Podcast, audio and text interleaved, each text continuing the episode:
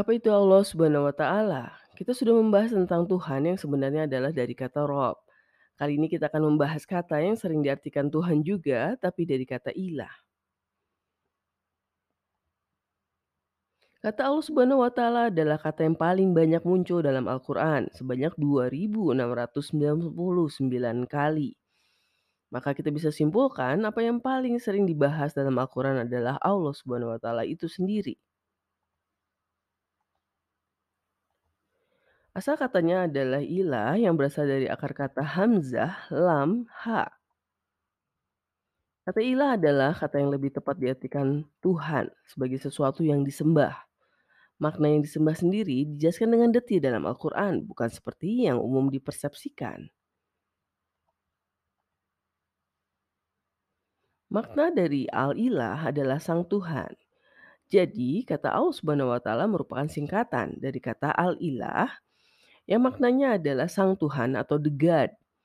Kita tahu makna dari the merujuk pada satu jenis hal. Jadi Allah Subhanahu wa taala y- yaitu membahas Tuhan yang khusus.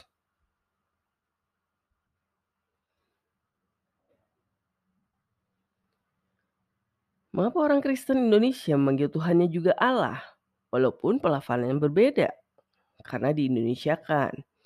Karena memang kata Tuhan itu dari bahasa Aram adalah Elah, dari bahasa Ibrani adalah Eloah, yang dialih bahasakan dalam bahasa Indonesia menjadi Allah.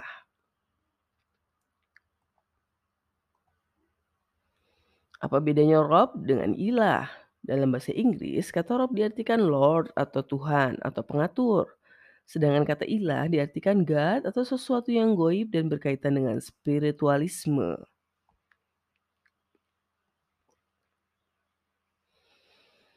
Dua kata terbanyak dalam Al-Quran adalah Allah Subhanahu wa Ta'ala dan Rob. Kata ilah dan kata Rob terakhir terdapat di ayat 114 surat terakhir Al-Quran.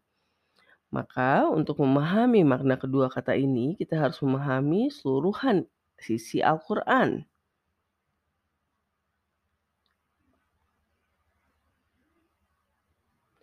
Apakah ada Tuhan lain selain Allah Subhanahu wa Ta'ala? Logika kita menuntun kita memahami selama hanya ada satu semesta dan satu hukum fisika, maka hanya ada satu Tuhan. Dalam Al-Quran, surat Al-Anbiya ayat 22, Allah Subhanahu wa Ta'ala menyatakan, seandainya ada Tuhan lain selain Allah Subhanahu wa Ta'ala, tentu semesta ini telah binasa. Apakah Tuhan mempunyai anak? Manusia tidak mampu memahami kemanunggalan Tuhan. Mereka mengarang fakta bahwa Tuhan memiliki anak. Subhanallah. Dalam surat Maryam menyatakan pernyataan mereka itu hampir membuat langit pecah, bumi belah, dan gunung runtuh.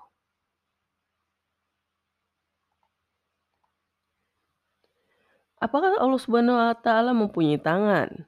Walaupun diartikan tangan, kata ini tidak merujuk pada organ tangan seperti pendapat Imam Ahmad. Kata ini sering diartikan sebelum mereka seperti yang terdapat di ayat 66 surat Al-Baqarah, tapi juga diartikan tangan yang merujuk pada manusia seperti terdapat di ayat 79 surat Al-Baqarah. Kekuasaan Allah Subhanahu wa taala dalam ciptaan langit-langit dan bumi tertera di ayat 54 surat Al-A'raf. Disebutkan bahwa Allah Subhanahu wa taala menciptakan langit-langit dan bumi dalam enam masa lalu bersemayam dalam arsy. Jelas pemaparan tentang Allah Subhanahu wa taala menciptakan langit-langit dan bumi tidak hanya tertera di ayat ini.